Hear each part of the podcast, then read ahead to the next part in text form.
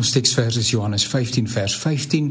Ek noem julle nie meer ondergeskiktes nie, want 'n ondergeskikte weet nie wat sy baas doen nie. Nee, ek noem julle vriende omdat ek alles wat ek van my Vader gehoor het aan julle bekend gemaak het.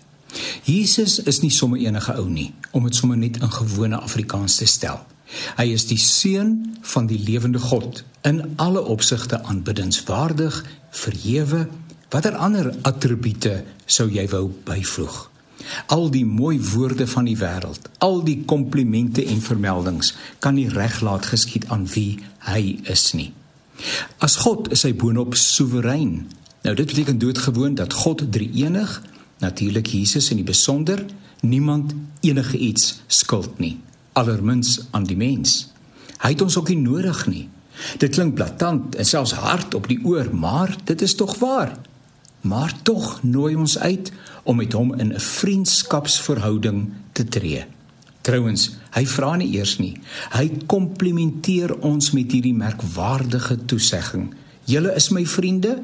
Ja, Jesus is 'n vriend wat in alle opsigte betroubaar is.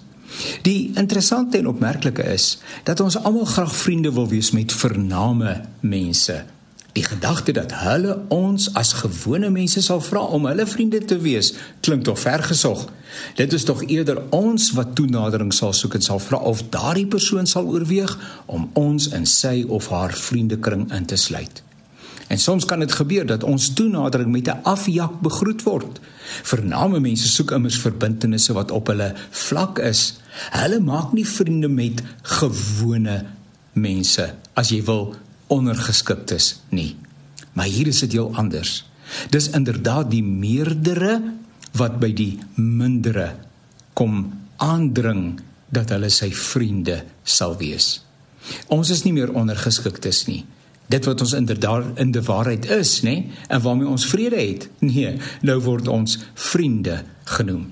As Jesus bereid was om ons in sy vriendekring in te sluit, moet ons dalk nie so kieskeurig wees oor wie ons kies om ons vriende te wees nie.